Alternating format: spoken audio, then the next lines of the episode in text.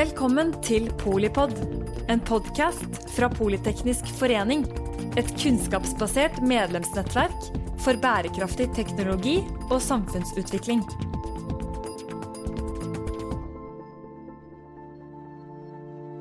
Velkommen til full sirkel av Polipod, hvor vi har lova å belyse sirkulærøkonomien fra ulike sider og skape en relevant samtalearena for et tema som engasjerer.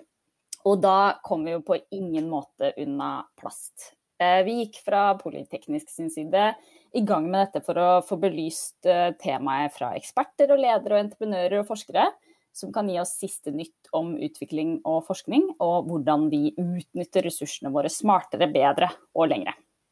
Så til dagens episode har jeg fått med meg to utrolig spennende eksperter.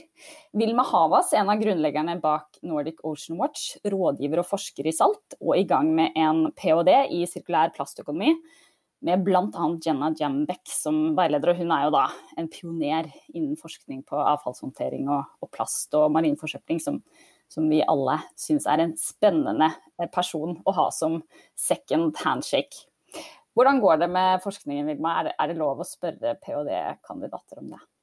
Ja da, det er lov å spørre, og det går uh, skikkelig dårlig. Nei, det går veldig bra. Jeg storkoser meg. Så ja, veldig, veldig fint. Veldig bra. Vår andre ekspert er Susi Jaren, en av Norges ledende plastforskere. Ph.d. i materialvitenskap fra Cambridge, med bred kunnskap om sirkulær økonomi og bærekraftig plastteknologi. Susi har bl.a. vært forskningsleder ved Sintef og leder i dag spennende prosjekter som vi håper å få høre mer om, som senior forretningsutvikler. Men, men først en liten sånn tilbakeblikk. fordi Som forberedelse på, til denne innspillingen så minna Susi meg på noe som jeg ikke huska selv. Men jeg fikk lov til å være vitne til ditt første møte med den norske tradisjonen pinnekjøtt. Har det, har det blitt en slager? ja, absolutt. Som en brite å bli møtt med en, eh, en eh, tallerken full av eh, bein og kjøtt. Ja, det var litt av et innføring, men det var veldig godt tatt imot. Og jeg spiser fortsatt pinnekjøtt. Det var første av flere pinnekjøttmåltider, selv om jeg bor med en nordmann her som er Team Ribba.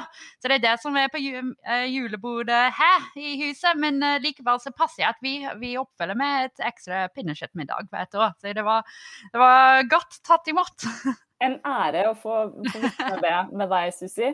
Velkommen skal dere være begge to. Jeg som er så heldig å få lov til å stille spørsmålene i dag, og som akkurat ble eh, avslørt som fleksitarianer når det kommer til pinnekjøtt. Jeg heter Brita Ståhl og sitter i styret hos eh, Politeknisk bærekraft og eh, leder av Salts internasjonale arbeid.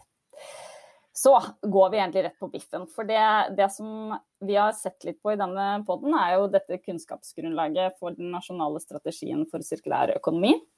Eh, der hadde vi store tanker om at vi kom til å se økt ressurseffektivitet, mål for avfallsreduksjon, gjenbruk og materialgjenvinning med tydelige rammevilkår for aktørene. Eh, vi forventa at strategien ville ta utgangspunkt i EUs handlingsplan for sirkulær økonomi. Men den ville nok i tillegg eh, til husholdningsavfall inkludere næringsavfall og biprodukter fra industriell produksjon. I Norge så er jo fiskeri og havbruk viktige fraksjoner. Um, vi har liksom venta på at uh, myndighetene da skulle innføre krav om minimumsandel for reskulerte råvarer, samt virkemidler for avfallsforebygging og økt materialgjenvinning. Eh, kanskje spesielt også av husholdningsavfall. Så, så, det vi skal fokusere på i vår samtale, er det som har skjedd. Hva vi kan forvente skje fremover, spesielt kanskje med tanke på, på regulering, men også innovasjon fra industrien. Og, og, Derfor er det spennende å høre fra dere hva er det som beveger seg der ute for å bygge denne sirkulære økonomien for plast. Men, men, før vi går i dybden, eh, la oss få litt innblikk i målbildet. Hva er en ideell sirkulær plastøkonomi, Vilma? Uh, ja, jeg syns at et uh, ideelt system er et der materialstrømmer er smalere, saktere og lukkede. Um, alle plast som blir tatt på markedet skal behandles nedstrøms på best mulig måte fra en trippel bunnlinje-synspunkt. Uh, og jomfruelig materiale skal skattelegges, og så skal disse skatteinntektene brukes på støtte opp mot sirkulære løsninger som f.eks. Uh, reparasjoner og resirkulering. Um, og så ønskelig så skal det også settes krav oppstrøms uh, på polymerkvalitet og økt standardisering for å øke gjenvinnbarheten av plastprodukter. Um, og så skal man gjerne også kunne spore plasten bedre gjennom hele verdikjeden. Da. Spennende. Og det her har vi jo snakket litt om før i denne podkasten. Vi har jo eh, bl.a. vært innom eh, Standard Norge og fått høre hva de legger i dette. Men eh, hvor langt er vi fra, fra det målbildet i dag, eh, Susi? Ja, her i Norge vi, vi ligger ganske langt fra det. Vi som bor i Norge, bruker materialer og ressurser ja, kanskje en av de verste i verden for å, å bruke opp. Så, og vi i vår forbruksmønstre bruker omtrent 3,4 jordklodets vettressurser hvert år. Uh, og det sier seg selv, det går ikke an å fortsette med det. Um, sånn ja, Vi snakker om den uh, trippel uh, bunnlinjet. Uh, man har jo økonomi, utslipp og, og, påvirkning på miljøet, men også påvirkning på samfunnseffekter. Og vi uh, i Sintef har vist at hvis vi går over til en mer sirkulert modell, har vi jo enormt gevinster å hente der ute. Vi kan f.eks. hvis vi brukte elektronikk lengre, eller reparert og, og leid ut klær eller møbelvarer, som Vilme var inne på, så kan vi, vi skape massevis av arbeidsplasser. 20 000 ekstra arbeidsplasser, 15 millioner kroner per år kan vi tjene på dette, og spare masse CO2. Um, så vi er jo ganske langt fra å ha en sånn forsvarlig uh, forbruk i dag og en sirkulær økonomi uh, for, for, alt, og plast i Norge i dag. Men um, det er jo masse gevinster å hente om vi kommer oss dit. Så, så det å, å, å, bruke den strategien for å, å få litt drivkraft blir viktig. Mm. Og, og, for å komme dit fortere, for det er vel der, der, der vi sliter litt uh, i Team Norge akkurat i dag. Um, jeg har jo alltid liksom Dette burde ikke vært lov! Uh, og tror jo ofte at regulering er, er nøkkelen. Hva, hva, tror dere? Ja, altså regulering er nok en av nøklene, i hvert fall. Så som ph.d.-kandidat så er jeg nødt til å bruke den termen forskning viser at uh, det starter med regul alt med sirkularitet starter gjerne med, med reguleringer. Um, for det skaper da um, bedre markedsforhold, uh, og også øker da næringens uh, motivasjon til å uh, utvikle mer bærekraftige og sirkulære løsninger. Og dermed også kommer forbrukere da med. Så det er en sånn uh, ripple effekt uh, i det, da. Mm. Ikke sant? Også, man ser gevinster på lang sikt, men på kort sikt så eh, står vi nå så vi må hoppe over og vi må omstille oss til den nye modellen. Da. Og det er her vi ser at regulering kan hjelpe. Fordi um, industri, næringsliv, de vil komme i gang. De, de vil være sirkulært, fordi man ser det konkurransekraft i det i framtida. Men for å vippe over til den nye modus, kan, um, kan det trengs uh, regulering og, og, hjelp fra staten. da. Um, men ellers så hjelper vi uh, oss forskere og kunnskapsinstitutter og, og hjelper um, næringslivet å komme i gang. Og vi har nettopp jobbet med Skift og WWF Deloitte og, og, og beskrive en sånn veiledende, hjelpende hånd, sånn ti prinsipper for sikkerhet, uh, norsk næringsliv, som man kan finne på sikkerbusiness.no. Fordi vi ser et uh, næringsliv å komme i gang, til og med uten regulering, men, men de bare sliter. Her, her blir en dugnad og alle må spille på samme lag. Og, og um, regulering kan hjelpe til at alle blir samlet og går i samme retning. Men uh, næringsliv og industri uh, kan gjerne bidra til det sjøl. Så, så regulering kan bli en, en, god hjelp på veien, men uh, industri og, og, næringsliv må, må ville det sjøl, og vi ser at det gjør de. Mm. Veldig, veldig bra. Altså circularbusiness.no der. Yes. Veldig bra tips fra Susi. Og for, for, lytterne som ikke har gleden av å se Susi, hun sitter og hopper nesten ut av skjermen når hun forklarer. Jeg anbefaler alle å, å høre henne snakke eh, live eller se på et webinar en gang, for det er virkelig energi ut av skjermen. Du jobber mye med innovasjon, Susi. Eh, og hvordan markedsbaserte løsninger kan lukke disse sirklene som du nå er eh, inne på. Hva er det du ser av utvikling på, på plastfeltet som, som, nettopp har som formål å kombinere lønnsomhet med bedre og smartere ressursutnyttelse? Ja, og vi treffer i hverdagen vår så mange sånn store og små bedrifter som tar gode skritt i, i riktig retning med nye produkter, nye materialer og andre ting. Um, men det, det, som jeg syns er um, kanskje det mest spennende nå, fordi jeg ser at det blir helt nødvendig, er det som skjer på um, uh, digitalisering og um, av informasjonsflyt og materialsporing. Fordi jeg syns at det her kommer til å være nøkkelen til at vi kan oppskalere um, en sirkulær økonomi. Man, man, trenger til enhver tid Hvis man skal ta i bruk sekundærprodukter eller sekundærmaterialer, må man vite hvor man kan uh, finne det hvilken kvalitet den er, hvor mye, hvor, hvor stor volume snakker vi om. Eh, så før man kan begynne å ta i bruk ja, gjenværende plast f.eks., må man vite at det går an å skaffe seg det. Um, så den digitaliserings... Um, biten uh, blir jo veldig viktig, og det, det begynner å komme um, nye aktører på banen. Et spennende eksempel er Loopfront, um, som jobber innenfor byggebransjen. og, og bygge opp en sånn uh, database hvis man vil bruke igjen byggeelementer som vinduskam eller andre ting fra byggebransjen. Man kan finne en database der, og hva det er som er tilgjengelig. Og uten det så sitter de som, som bygger et nytt bygg, med alle godvilje i verden, vil de bruke det meste bærekraftige materialet. Men hvis de finner det ikke, hvis de kan ikke treffe de som sitter på de materialene og, og komponenter, så er, er, det ikke mulig. da. Så jeg tror at den digitalisering og oppbygging av informasjonsflyt um, ble det som um, gjør meg mest spent per i dag. Mm, mm.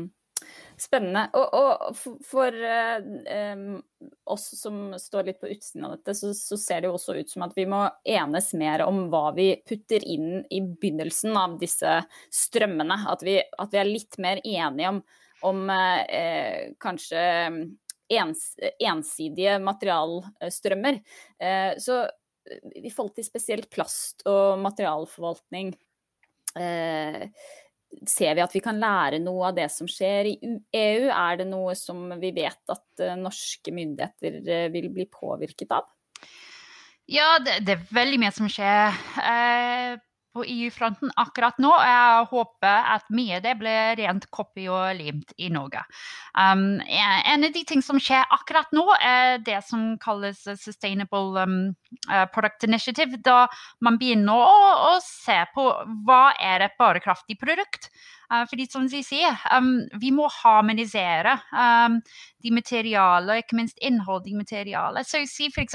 per i dag må man bruke i plast masse tilstett omsetningsstoffer for å oppnå den kvaliteten som man vil ha. Så det, det, betyr at når man ser på sånne plastavfallfraksjoner, så har man en sånn magisk og ukjent uh, blanding av uh, ting inni plasten.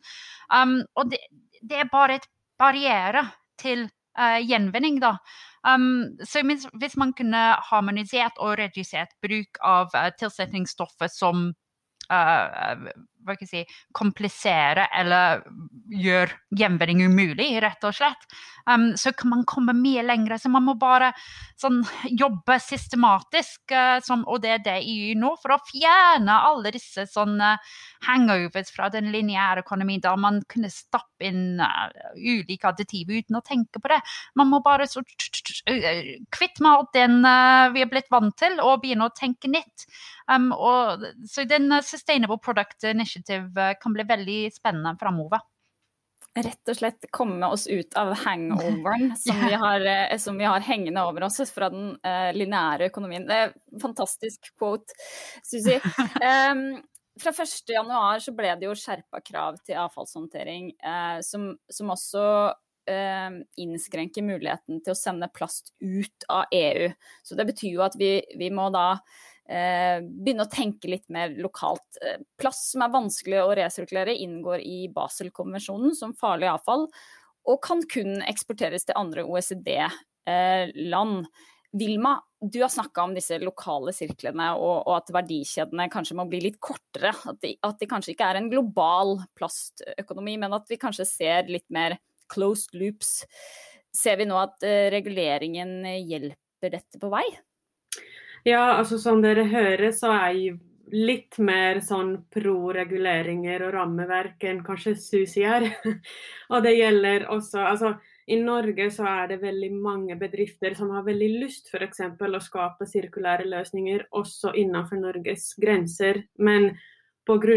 at de klarer ikke å komme på samme konkurransedyktig nivå som noen lineære næringer f.eks. Eller, eller de etablerte systemene som er basert på lineære verdikjeder, så går det meget sakte framover uh, i forhold til hva det kunne potensielt blitt. Og der er det veldig fint da å se at en sånn internasjonal avtale kommer fra FN som sier at nå kan vi ikke sende alt mulig plastavfall av dårlig kvalitet til land som har dårligere avfallshåndteringsinfrastruktur enn det vi har i opprinnelsesland. Så jeg har veldig stor tro på Baselkonvensjonen. Um, som det handler også ikke bare om det at vi skal ha mer lokale og regionale uh, plastøkonomier, som er f.eks. EU sin strategi, men også det at vi har mer rettferdig uh, handel globalt akkurat nå. Um, så det å skape nedstrømsløsninger for plast som er både mer gjennomsiktige, mer rettferdige uh, og mer miljømessig bærekraftige. Det er definitivt noe som sånn internasjonale reguleringer kan uh, bidra til. Da. Mm. Jeg må si jeg er faktisk veldig pro regulering, og, og, akkurat den uh, Basel-konvensjonen syns jeg er veldig interessant. Fordi det er veldig mange som løfter opp en uh, Jarlsberg pakke og sier men dette er jo ikke farlig. Og det er ikke det. Ja, man kunne til og med spise litt av det og gått rett gjennom. Det er helt greit. Men det er volumet av plast og avfall som bygger seg opp da. Og man, vi vet at plasten som vi eksporterer, blir solgt videre og videre. Og, og, man mister oversikt over hvor det ender opp. Men i verden så har vi et enormt uh, problem med megadump sites. Um, og disse er enormt hauger av avfall um, som er så store at man bygger opp et sånn lokalsamfunn rundt det. Um, og vi snakker så mye om uh, plast i havet og kostnad til uh, dyreliv i, ha i uh, havet, men 2000 stykker dør. Mennesker dør direkte hvert år av å leve ved siden av disse um, megadump sites. Og enda med sånn 80 000 eller noe helt skremmende tall, um, også dør pga. de bi bivirkningseffekter av å bo ved siden av disse dumpsites. Det er jo uh, helt uakseptabelt. Så plassen er jo selv det er ikke vanlig materiale som man tar under Basel-konvensjonen, men det er volumet av det som har gjort det så uh, voldsomt farlig som, som, det er i dag. Så da, akkurat dette har jeg um, litt tro på. Men altså, det, det, skal bidra til at vi begynner å ha bedre oversikt over hva vi eksporterer.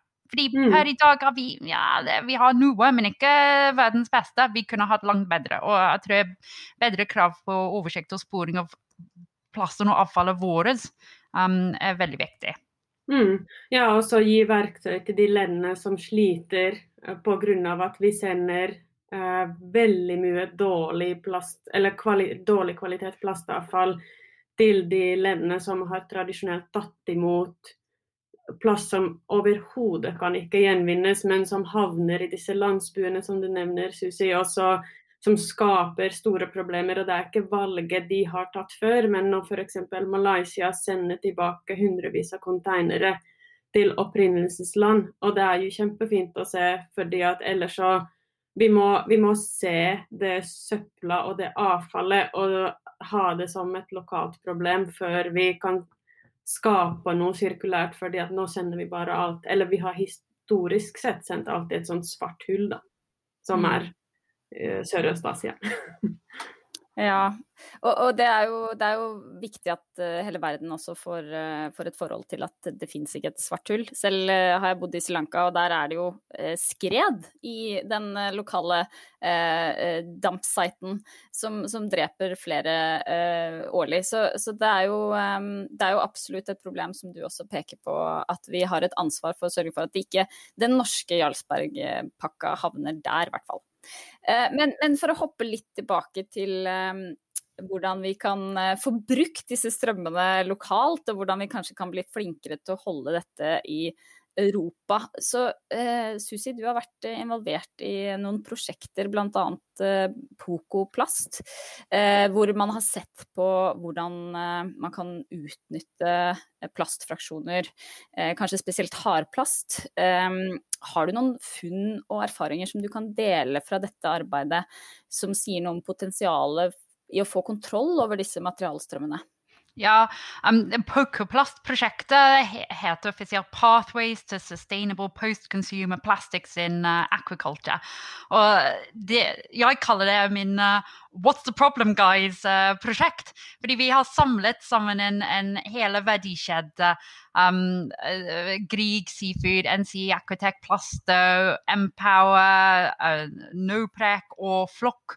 Um, og, og, og spurte dem ok, hvis dere var et potensial verdikjede her for å bruke denne plassen, men dere kan ikke det per i dag, what's the problem? Um, og det har vært uh, veldig interessant. Um, vi er jo i første året, uh, men en av de mest tidlige uh, funn som kommer fram, som jeg tror dere i Salt er supergodt kjent med, er at um, det er jo så lite transparens i, i verdikjedet, og man har jo egentlig veldig lite kontroll og, og opplysning om de materialflyt som, som, går gjennom disse verdikjedene. Um, så uh, vi ser vi kommer til å jobbe og trenge en sånn sporbarhetsløsning for å uh, sikre den transparens i verdikjedet som vi, vi var litt inne, inne på før. Um, vi må også jobbe for å stimulere marked for brukt hardplast. Um, så f.eks. med regulering, men også um, ja, andre ting som f.eks. Um, uh, grønt offentlig innkjøp-ordninger og, og, andre ting. Vi må også ansvarliggjøre uh, de aktører um, som produserer og bruker plasten, gjennom uh, produsentansvarordning, og utforske hvordan det kan uh, drive fram dette. Og ikke minst hvor vi må vi jobbe med, som vi var inne på, en designfase, en kvalitetssikring av uh, hardpassen som ble brukt, og som kommer ut som um, et, et sekundærressurs etterpå. da. Så uh, hvis vi kan sikre at dette, så kan vi få uh, den verdikjeden å, gå i, eh, i, hopp litt bedre. For i, i um, den næringen har vi utrolig mange store stor volumer av god kvalitet plast. Av en, nesten én kvalitet. Så det, det, går an å, å bygge uh, verdikjeder på dette. Så et flokk f.eks. som uh, lager kontorstoler, kan uh, bruke det i sine produkter. Saltkontoret har eh, selvfølgelig kontorstoler av eh, plast fra tidligere garn, så vi håper jo at vi kan se flere sånne løsninger i norske kontorer rundt omkring. Mm.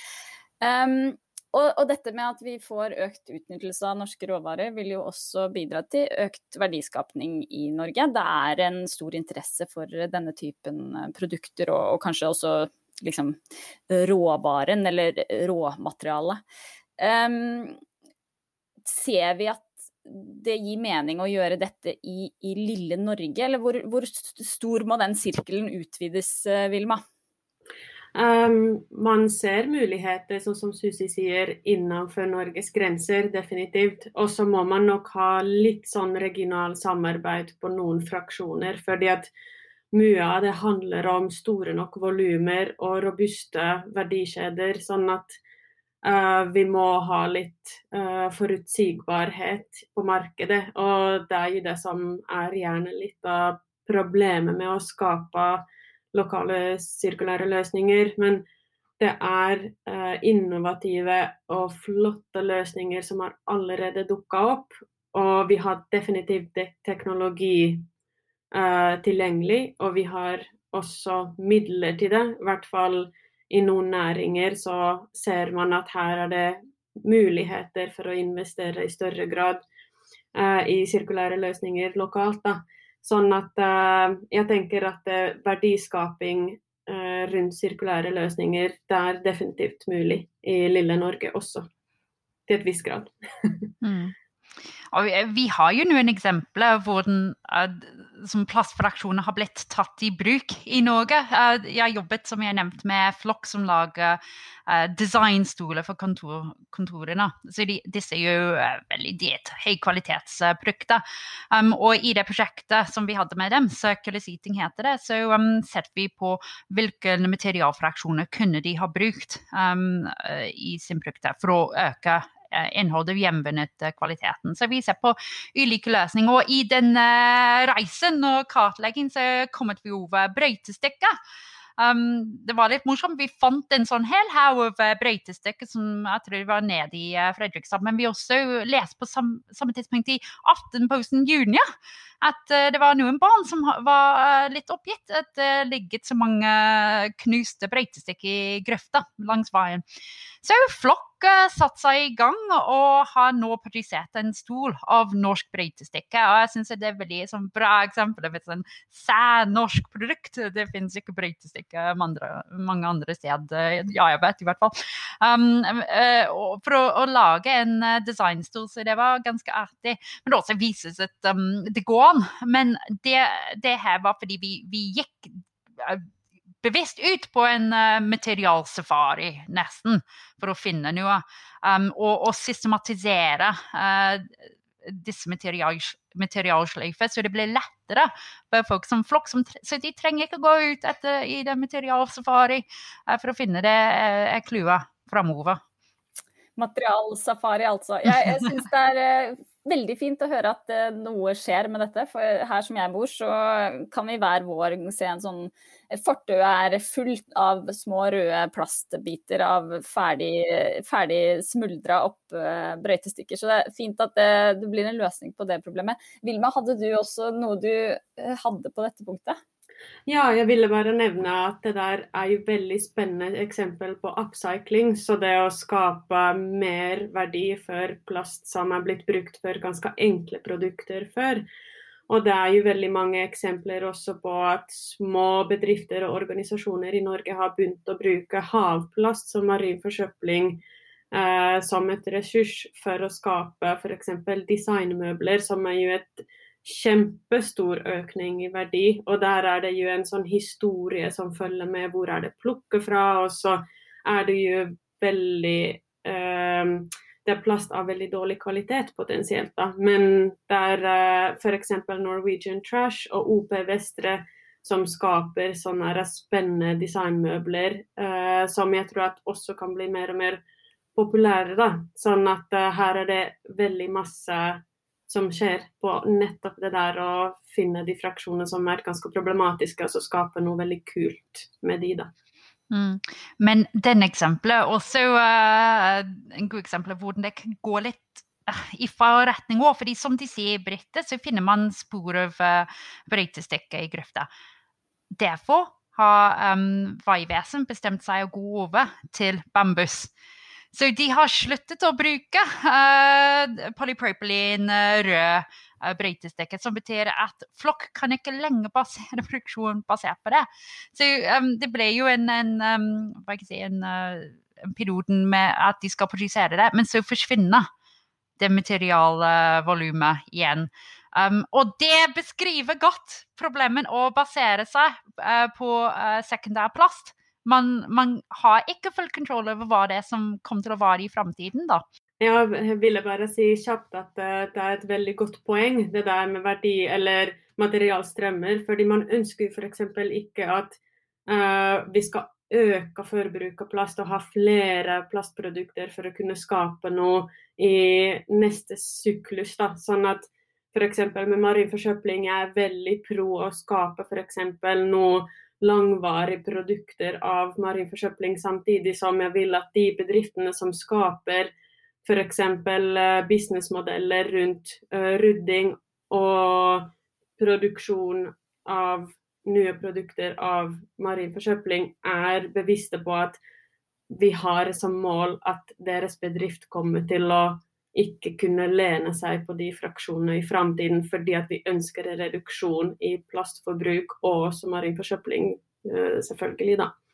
Ja, og Dette sier kanskje litt om hva bedriftene som bruker de ulike fraksjonene også må tenke på når de bygger litt agile modeller, som kan tvikes til en ny fraksjon eller til en ny type material over tid. Eh, og Før vi runder av, så vil jeg gjerne innom denne store, vanskelige avfallsmengden som, som de fleste av oss ofte tenker på når vi tenker på plast, nemlig dette med emballasje. Og, og der er det jo ikke like enkelt å finne disse rene eh, fraksjonene. Eh, 30 av all plast eh, produsert opp til nå er ifølge World Economic Forum um, emballasje, og samme rapport viser at 95% av verdiene fra plastforpakninger er tap i denne globale plastøkonomien. Um, hva ser du i sving av krefter for å endre dette, Susi? Ja, um, emballasjen er jo uh, stor volumer, det er det, uh, uten tvil. Og um, hvis vi skal oppnå 65% gjenvinningsmål, som vi, vi sikter mot, da, da, da, må vi plutselig uh, ha gjenvunnet og å det komme på marked 145 tons av eh, gjenvunnet sekundærmateriale. Og per i dag finnes det rett og slett ikke noen å ta imot det. Um, så uh, per i dag um, mangler vi uh, folk som skal bruke den uh, hjemmede plast. Fordi de har, som, litt som vi har blitt inne på, de, de er ikke rigget for det ennå. Men også i tillegg mangler vi um, infrastruktur som kan gjennomføre den gjenvinningsbiten. Og vi trenger ikke nødvendigvis å ha alt dette i Norge, men vi må i hvert fall um, oppskalere gjenvinningsinfrastruktur lokalt, hvis ikke i Norge, rundt omkring Norge. Um, heldigvis, det skjer ting der. Det er flere kommuner um, som nå uh, oppretter uh, automatisk sorteringsanlegg, som f.eks. Lillestrøm har for lenge og Stavanger, men nå kommer det på Fredrikstad og Trondheim. og, og um, det også kommer en privat uh, anlegg av, med Fotum i Oslo. da, Um, så de skal sortere, så vi begynner å ha fraksjoner som kan gjenvinnes. Uh, men da trenger vi gjenvinningskapasiteten, uh, og det også begynner å oppbygge seg. Vi er ikke i nærheten av å ha nok uh, enda i Norge eller rundt omkring.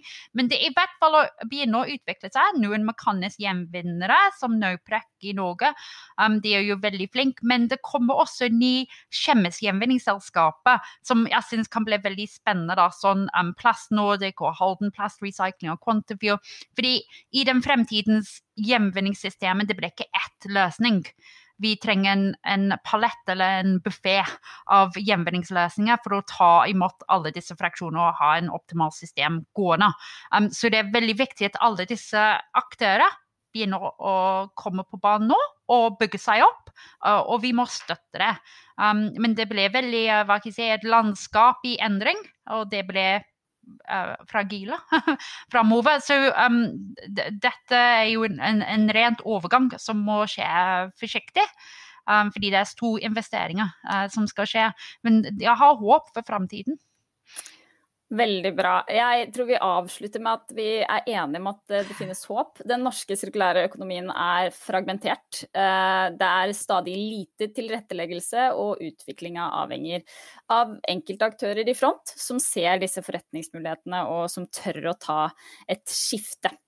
Så, så, det slutter kanskje sirkelen og tar oss tilbake til start, til at vi kanskje trenger denne strategien. Vi trenger noen som setter opp en retning og begynner å lage litt regler. Vi, vi starta denne podden som en julekalender mot uh, nasjonal strategi. Uh, det har blitt en vårkalender, og nå er det vel blitt en sommerkalender. Men vi har fortsatt forventninger til denne, og kan dere komme med noen avsluttende ord om hva dere tror en sånn strategi kan bety? Ja, det kan jo bety veldig mye, fordi at den som du sier, kan gi retning til næringslivet. Um, og det er kjempeviktig å ha en sånn felles mål, uh, og det har jo uh, flere land rundt oss, sånn som Sverige og Finland, vært flinke på. Da ser man at det er et uh, felles dugnad som vi er så glade i i Norge. Uh, I f.eks. Finland, der de har hatt en sånn strategi siden 2016, og det går veldig fort framover. Da. Sånn at uh, jeg har store forventninger til den. Ja, jeg, ja akkurat det. Jeg håper i hjertet mitt at det blir mer enn et uh, policydokument for regjeringen. Jeg håpet uh, strategien kom til å være en ordentlig brukbar, uh, veiledende dokument som alle kan bruke. Dette blir en dugnad, og noen må være dirigent og, og vise og orkestrere hvordan vi skal alle jobbe mot et mål. Og jeg håpet uh, staten klarer å ta litt av den rollen. Så at vi kan alle begynne å jobbe i samme retning og jobbe sammen for denne dugnaden. Veldig bra. Godt å høre at vi har enighet eh, og eh, eksempler eh, fra både Finland og Britain om at vi trenger en dugnad også i Norge. Tusen takk til våre gjester og bidragsytere Vilma Havas fra Salt og forretningsutvikler i Sintef Susi Jaren. Og ikke minst takk til deg som lyttet. Du finner denne og andre episoder av Full sirkel under podkasten Polypod på både Spotify og Apple Podkast. Og ikke glem å følge Polyteknisk forening for innsikt og inspirasjon om bærekraftig teknologi og samfunnsutvikling. Tusen takk for i dag. Takk for at du lyttet til Polipod fra Politeknisk forening. Få med deg flere episoder, eller bli med på nettverksmøtene som du finner på at polyteknisk.